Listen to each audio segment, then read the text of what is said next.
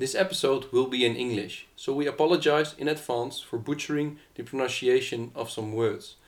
We really did try, okay?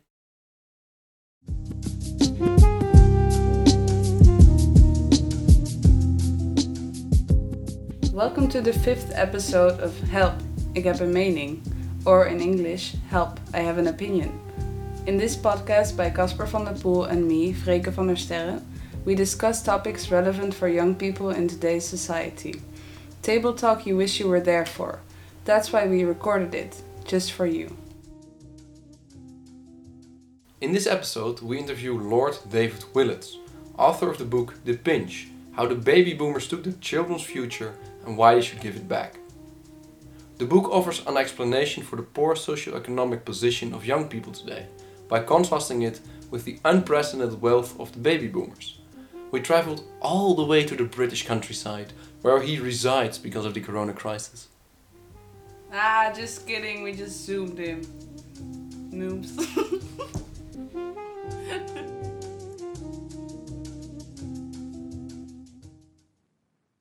Welcome back, everyone, to the podcast, and uh, hello to our newly joined English-speaking audience. Because so far we've only had episodes in Dutch, uh, so we're really happy that we're gonna have the first English episode now, and with a very interesting guest as well.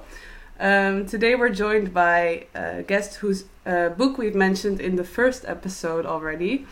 Um, he was so kind to agree to do a follow-up episode with us. Uh, so if you haven't listened to the first one, check it out as well. Though it is in Dutch, of course. But so this is Lord David Willetts. He's previously been uh, a member of parliament and a minister, minister of state for university and science.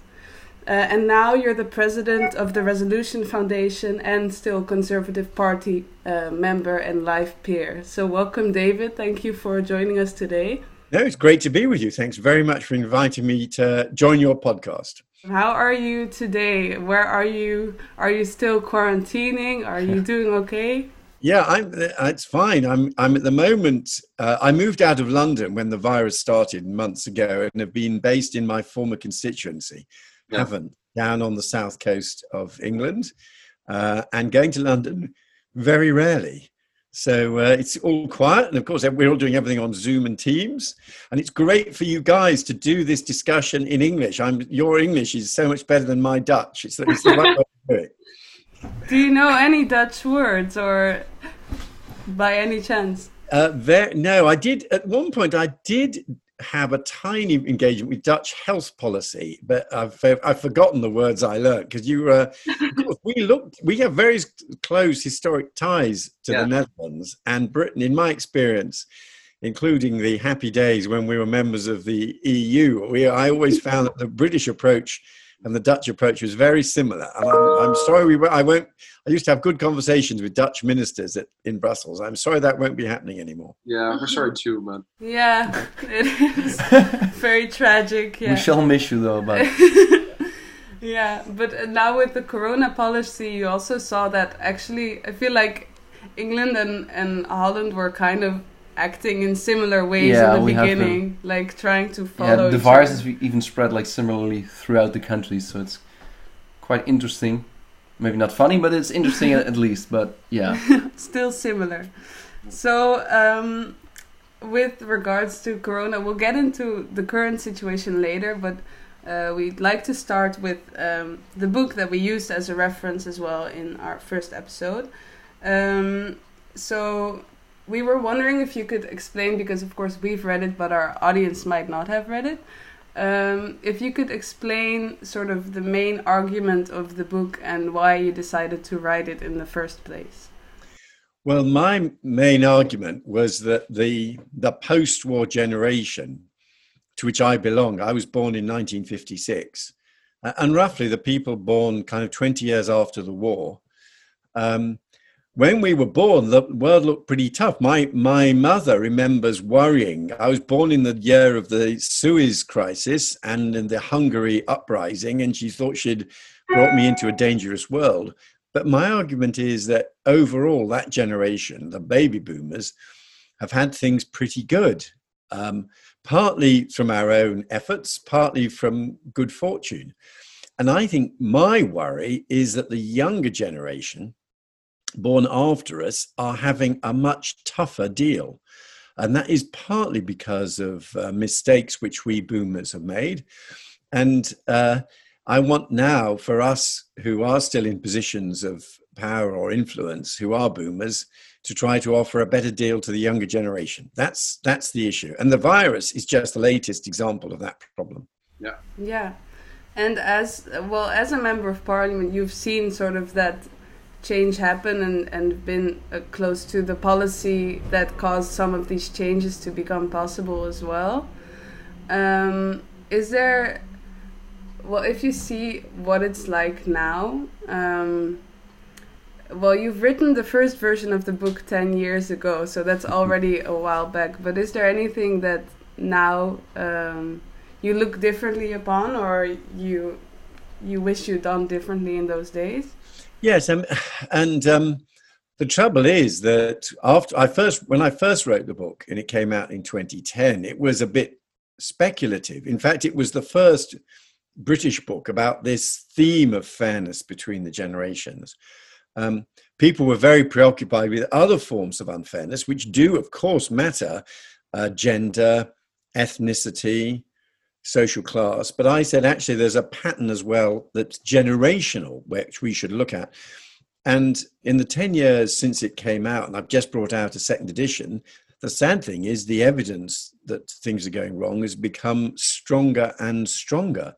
And as you say, including during the time that I was in government. And the virus is the latest example. And I, I, let me tell you what's happening in Britain. And I don't know if it's the same in the Netherlands, but in Britain, young people, young people are concentrated in the sectors that are most exposed to the virus economically retail, hospitality, leisure. In fact, by and large, these were anyway relatively low paid sectors. So part of the problem for young people is they often have been, they have been flowing into into sectors of the labor market where pay is particularly poor. Yeah. And uh, that means that they have been most affected by uh, losing their jobs. They've been most affected by unemployment. And it's increased the importance of providing them with retraining and education opportunities yeah. to move to different sectors, which may well be better long term prospects for them anyway.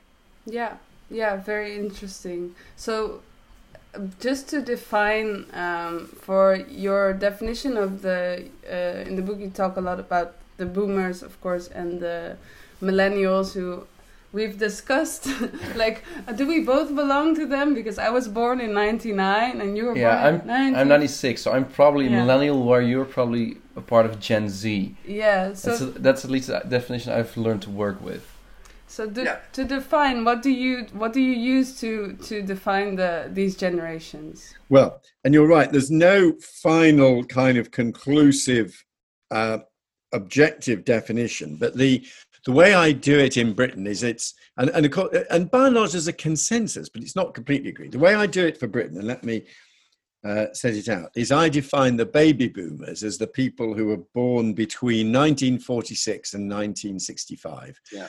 And in Britain, that includes two years uh, in 1947 and 1964 when we had more than a million babies born, which is a quite exceptional record.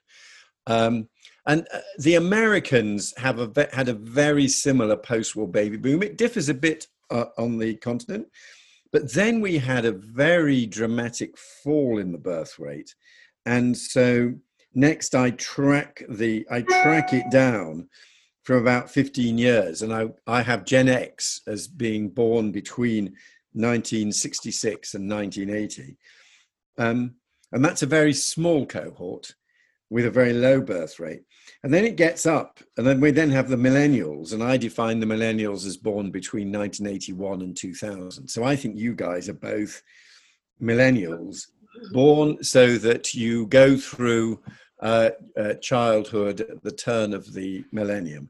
Yeah. Um, and the and the crucial argument in my book is that they is that is that being a big generation, what's driven these changes, the boomers being such a big generation. And the old view used to be that if a, given a choice between whether you'd wish to be born in a big generation with lots of other people your age or a small generation with many fewer people your own age, we would instinctively say, well, let's have fewer people our age, and there'll be less competition for jobs, less competition to get into university, less competition for good pay.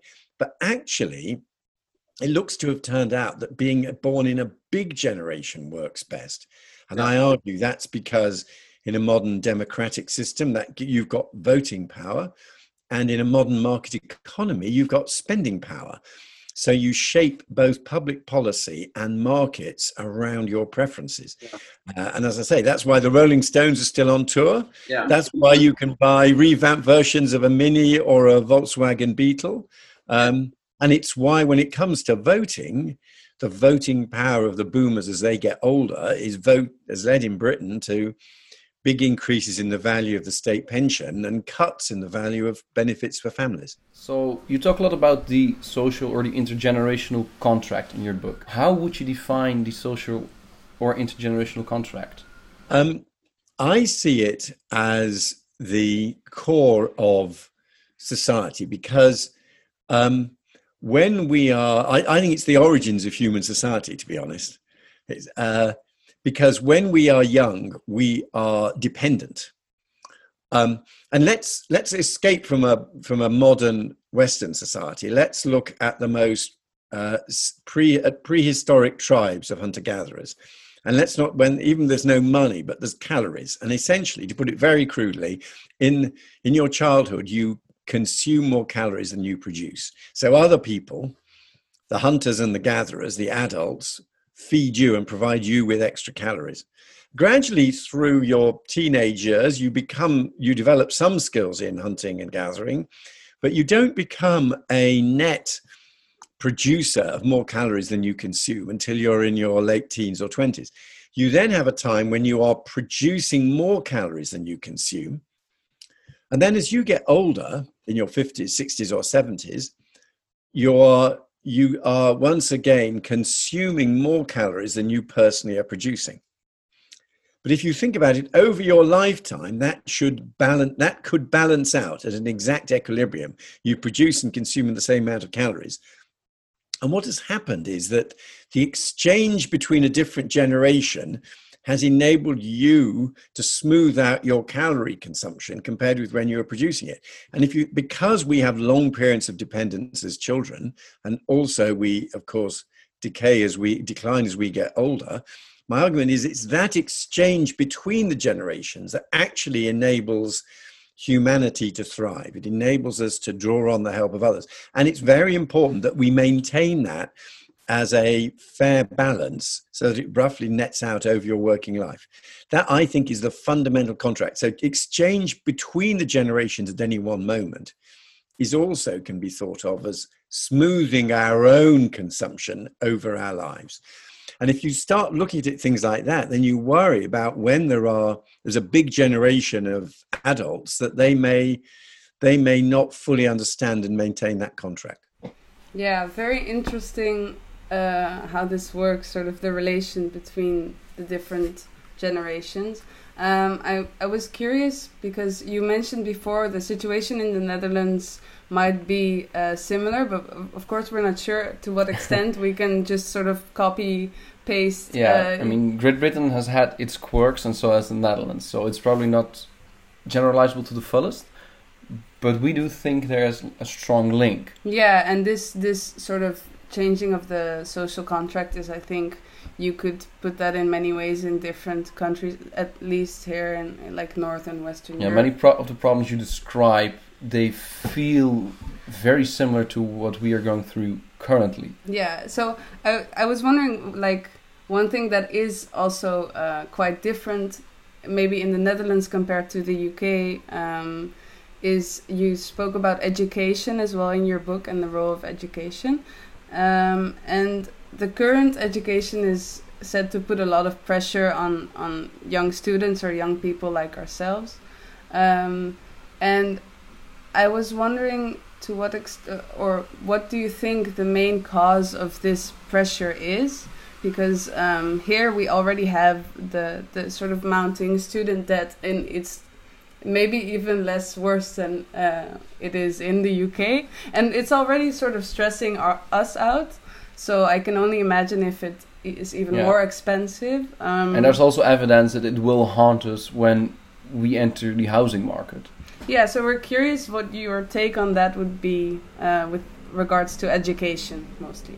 Yeah, well, and of course, this was one of the most controversial things I did as a minister when I was a minister for universities. And indeed, one of the allegations was look, you've written this book, The Pinch, about the need to offer a fair deal for the younger generation. You then turn up as universities minister and increase university fees. So you're a typical politician and uh, you have breached your own principles. And it's I understand the challenge, I, and I think there is an answer to it, but I understand the challenge. Um, and I would say uh, our system, first of all, the, the these so-called fees. It's not like the American system. These aren't fees that students pay up front. Ours is a they're provided with the taxpayer with the money to pay the fees when they're at university. It's a graduate repayment scheme, and the graduate repayments are not like repayments on a mortgage or a credit card, which is the American system, where you have to pay back regardless of your circumstances. In the English system, you only pay back uh, if you're above a very high income threshold, much higher than the income tax threshold. You have to be earning something like over over about twenty seven thousand, twenty eight thousand pounds before you start paying back and then it's at a rate at 9% on any earnings above that. So I would say it's actually quite a progressive system. And because we, when we introduced it, we did replace the old public expenditure grants with these uh, fees and loans. But one re- because when we got rid of the public expenditure element, we also removed the Treasury's interest in controlling the number of people going to university.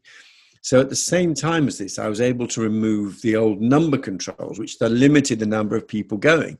So more young people have had the opportunity of going to university, and they only pay back if they're in well-paid jobs. So I personally thought it, it was it, it was defensible. Uh, but the the uh, but I don't know exactly how your system works in the Netherlands and how different it is. It is somewhat similar, I think. You do pay it gradually back, and there's no interest on what you loan. Um, Yeah, and there's zero percent. yeah, and also if you're not in a well-paid job, like you said, you don't have to pay it back.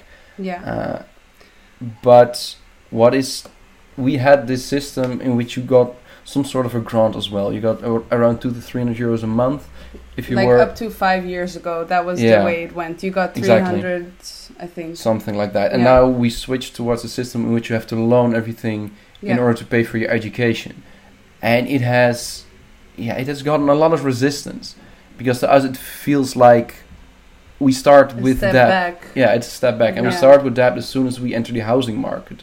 And the last couple of ye- years, there has been some noise that young people are struggling to find a mortgage simply because they have a student debt. Mm. Yes, and that is a, I that is something that is said a bit in England. That the but I did check with our mortgage lenders when I brought in these changes, and they said they understood it was not like a credit card debt or a bank overdraft, and instead what they would look at was what they call the fixed outgoings. So as they look at your budget, they would see how much you're having to spend on uh, energy or how much you were spending on travel to work and how much you were spending on paying back your your loan and and the and for someone earning you know in britain 30000 pounds which is quite a good income Yeah. for someone in their 20s uh, you know the amount that they'll be paying back per month on their student loan will be will be very low indeed you know 10 or 10 or 20 pounds a month if it, if they're earning 30,000 so it, it's not a lot of money as a fixed outgoing. So when we but young people do face a housing problem and i think housing problem is much more shaped by many years when we haven't built enough homes plus over regulation of the terms on which lenders can lend money. Yeah, So when the boomers were young, it was easy to get a mortgage. Now it's much more tightly regulated. Yeah, that was the next thing we were going to talk about. Indeed, housing, because it is hugely difficult for us to find a place to live, to even to find a place to rent. And you mentioned in your book that our quality of life has gone down. We live live in a smaller in a smaller space. Uh, like you said, less houses are being built. Um, how did this happen? Yeah, well, it's very interesting. We have exactly the same debate. And in fact, Resolution Foundation, the think tank where I'm president, we brought out some new work which showed that in terms of the effects of the virus, of course, the physical health of older people is most vulnerable. But younger people, for them, the mental health risks are greatest. And that's partly because they have less space. They are more cooped up in small flats. They occupy less space than ever before. No, less space than young people of the same age used to. Uh, and they are they aren't they may well not have access to a garden. So yes, it is more difficult. How has this happened?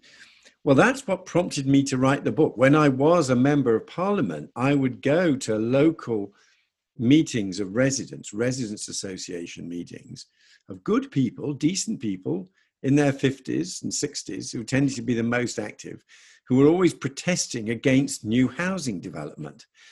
And I was trying to find a way to persuade them that they should agree there should be more housing built. And I found that the best way to do it was to say, look, I know the streets that you live in, that you're living in houses that were built in the 1970s or the 1980s for you when you were young. You are the beneficiaries of the previous generation agreeing to build housing for you. And that's why you have a similar obligation to help the younger generation and get allow housing to be built for them.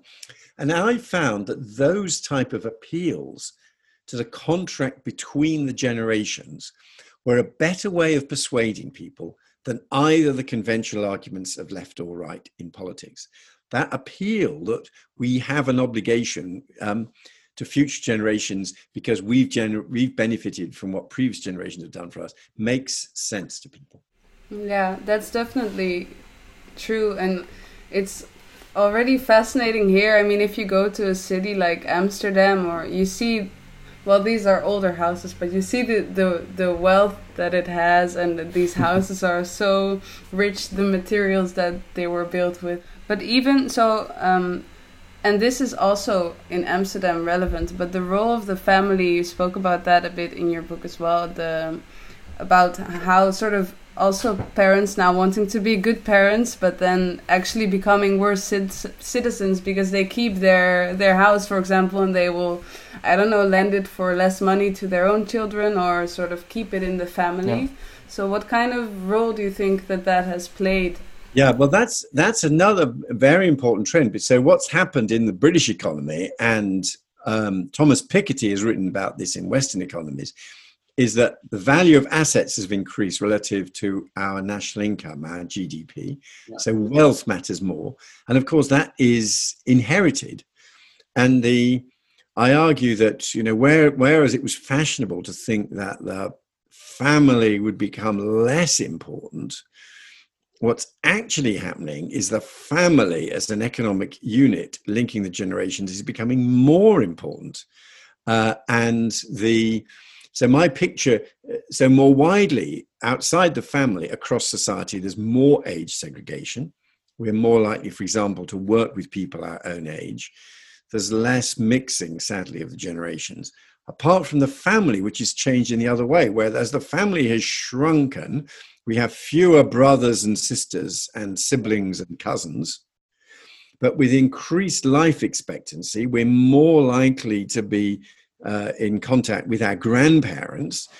So the family becomes the tall, thin, intergenerational unit yeah. of more and more emotional and economic significance in a society that otherwise is increasingly segregated by age. So actually, the family, and one of the unexpected trends is family becoming more important for inheritance. You carry on living with your parents for longer. The bank of mom and dad helps to fund you. Yeah, what is the so bank of mom and dad? Exactly, because we, we read it and I, I thought it was very interesting actually. But well, the bank of mom and dad is when parents fund their adult children. and where in where um, for example lend them money to put down as a deposit to buy their first flat or house mm. or just uh, if they're in a not a very well paid job um, top up their income or the kids stay living with the parents in um, a spare room for much longer than would have happened in the past. And across Europe, the figures for people under 30 living with their parents have increased a lot. And I personally think this is one of the drivers, one of the many drivers of the of social media. Social media is how you get independence and mink, mink link up with other young people if you're physically located in your still living in your parents' house. And this is all very um, much still also on sort of the role of the family and uh, on the individual will of these people. But what would be the, for example, the I think I'm not sure how high the tax rates are on uh, like inheritance in general. Quite high. At least Quite here. High. In Britain, maybe. you said it was about forty percent. In Britain, I think we've got a classic bad tax, which is that we've got a tax at a very high rate, which scares people of 40%, but actually only applies above a million pounds of inheritance. So it's you have to inherit a lot in order to be uh, into that kind of rate of tax.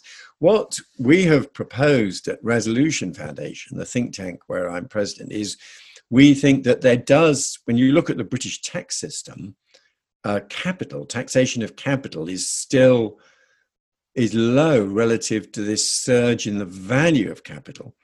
And we think there's a case for taxing capital more and then using it to distribute to every person, perhaps when they become 30, a capital grant.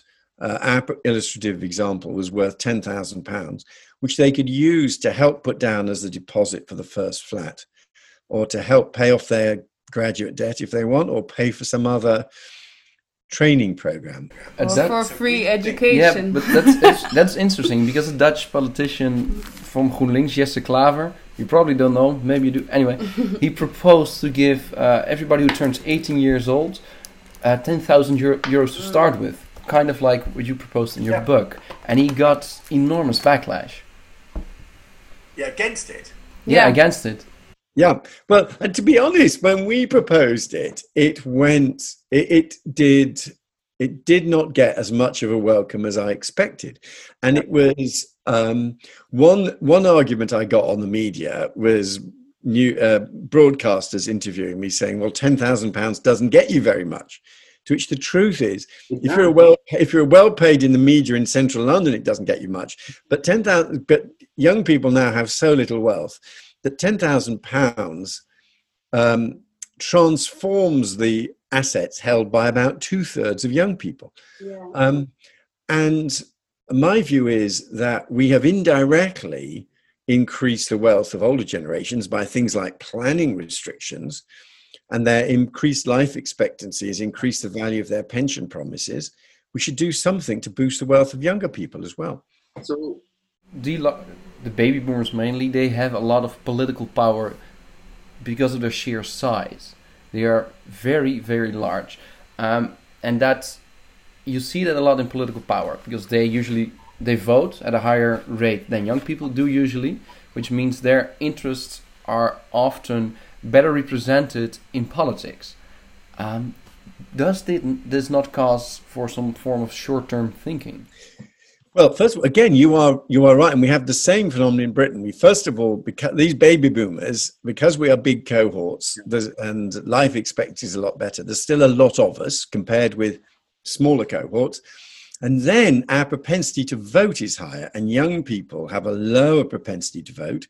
The critics say, oh, it's their fault because they're disengaged. We did some research, research which showed that in Britain, the key factor was that they were in the private rented sector, moving from one rented flat to another. And it's much harder to get and stay on the register of voters if you're moving around like that. Yeah. But anyway, they, you're right, they have less voting power. Um, we but I fundamentally think that young people do care. Sorry, older people do care about their children and grandchildren, and young people do care about their parents and grandparents. So my argument was that these intergenerational claims have not been expressed in conventional politics. And the best way of winning over parents and grandparents, older voters, to do stuff is to say, look, it's your children, it's your grandchildren that are losing out. We've got to do this to offer a fair deal to the younger generation. I think that is a politically winnable yeah. argument, but we've got to get people thinking like that. So, what happens when you uh, put a problem like a long-term problem like climate change uh, in politics?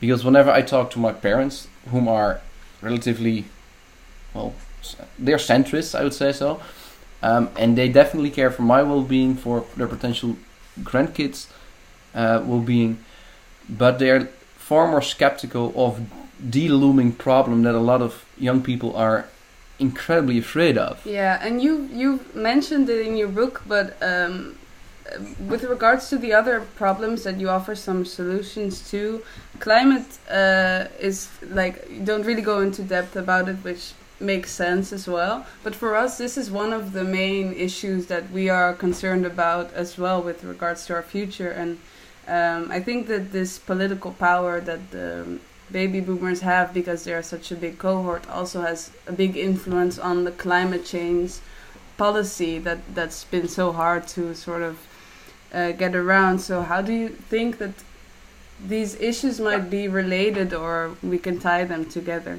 Yeah, well, I think the, uh, and again, the figures on this in the book, I show that we boomers in, in Europe, the estimate is that over our working lives, uh, a typical boomer in Europe will have emitted or produ- be responsible for the production of 700 tons of carbon dioxide.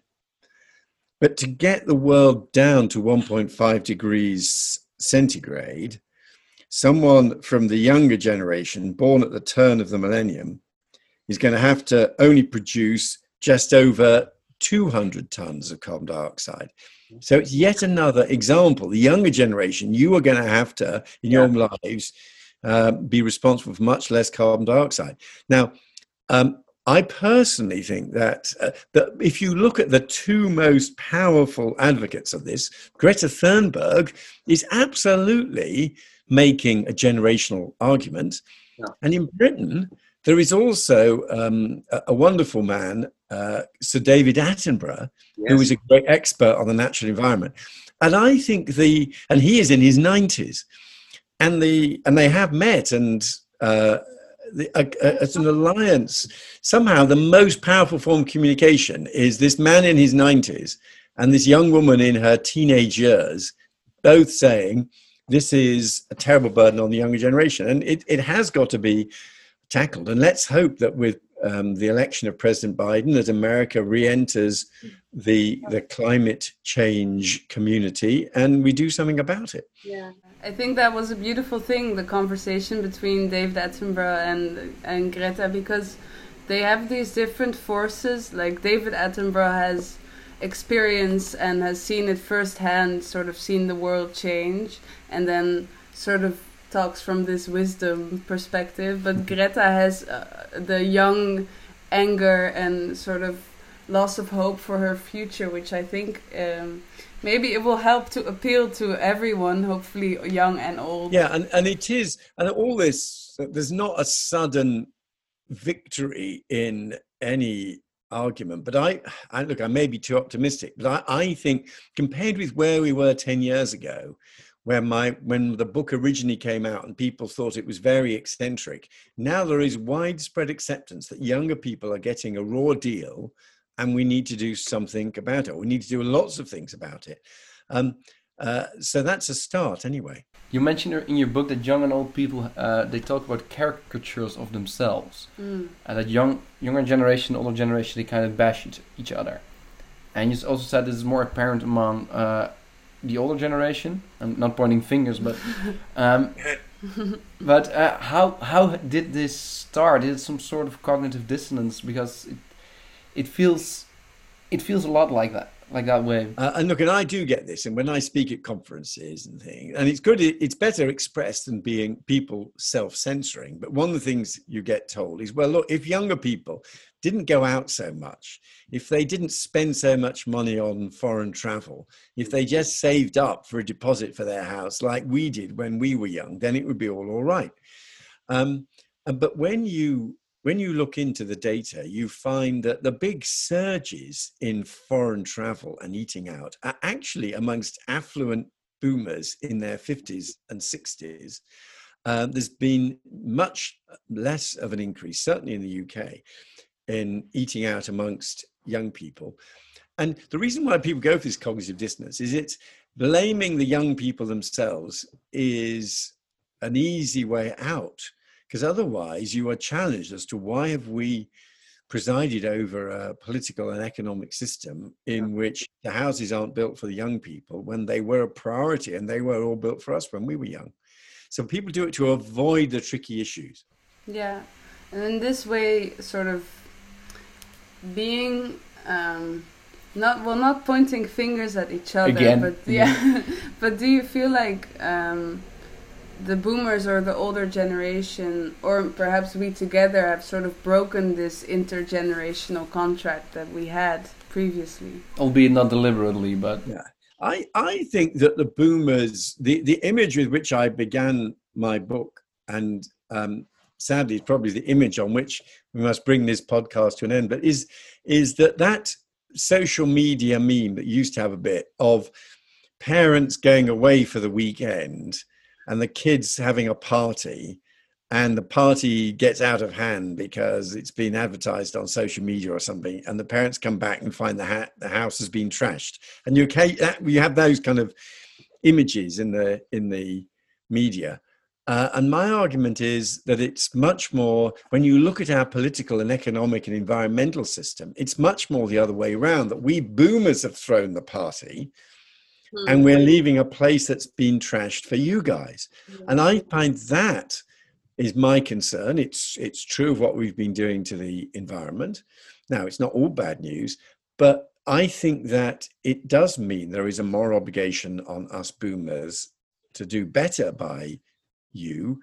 And i think by and large the good news is older people increasingly recognize this, increasingly realize that we were brought up in an environment that, in many ways, was actually made life easier for us than it is for younger people today. But we can do stuff about it. We can build more houses. We can um, tax our capital so as to distribute some in capital grants. We can tackle climate change with perhaps with a uh, technological innovation and with a carbon tax. So none of it is impossible. People care about other generations. It can be done. Yeah, yeah. So if I may, one last question on that note, because of course, also what we want to do as um, young people, sort of reaching out to you because you wrote this book, is definitely not sort of uh, blaming anyone for anything. But I think the only way to move forward is really to, uh, yeah, see eye to eye, and that we have similar issues ahead of us and we now with corona of course we need to care about the older generations as well because they're most vulnerable in this way and we need to take sacrifice for that and they as Yeah. well for us maybe um, not maybe. Let's just yeah maybe make it clear. lots lots um, but just uh, to end on a, a sort of future note because you you stated that, that this climax point uh, of the pinch will be somewhere like around 2030 2050 um, yeah so how when they're most of the boomers are going to be quite old and, and they might need most care. So how will we, we make sure that we go into this period um, with them being able to rightfully grow old and, and healthy and with us sort of um, also being offered a chance? You, uh, you've just put it very well, and I, I agree because one of the other, as well as the high argument of principle, we care about the other generations. There is also that practical point. Going back to my original image of the of the calories, and the when you are producing calories and when you're consuming calories.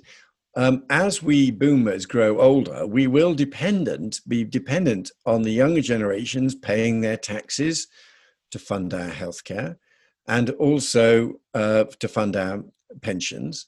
We will and be we'll want them physically working in in social care and other settings for us.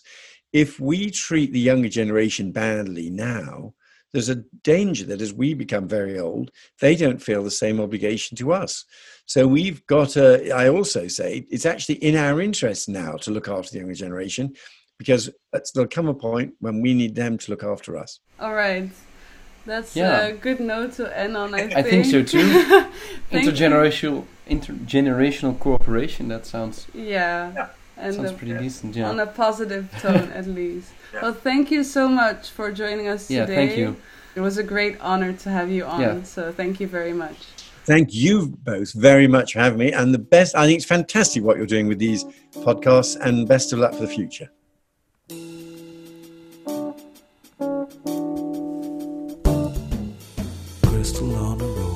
swings out of control and makes me want to go back home.